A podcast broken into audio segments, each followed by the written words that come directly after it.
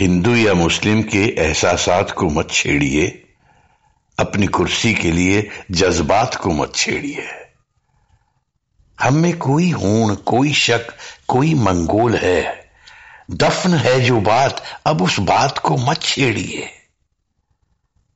अगर गलतियाँ बाबर की थीं जुम्मन का घर फिर क्यों जले? अगर गलतियाँ बाबर की थीं जुम्मन का घर फिर क्यों जले? ऐसे नाजुक वक्त में हालात को मत छेड़िए। है कहाँ हिटलर, हलाकू जार या चंगेज खां?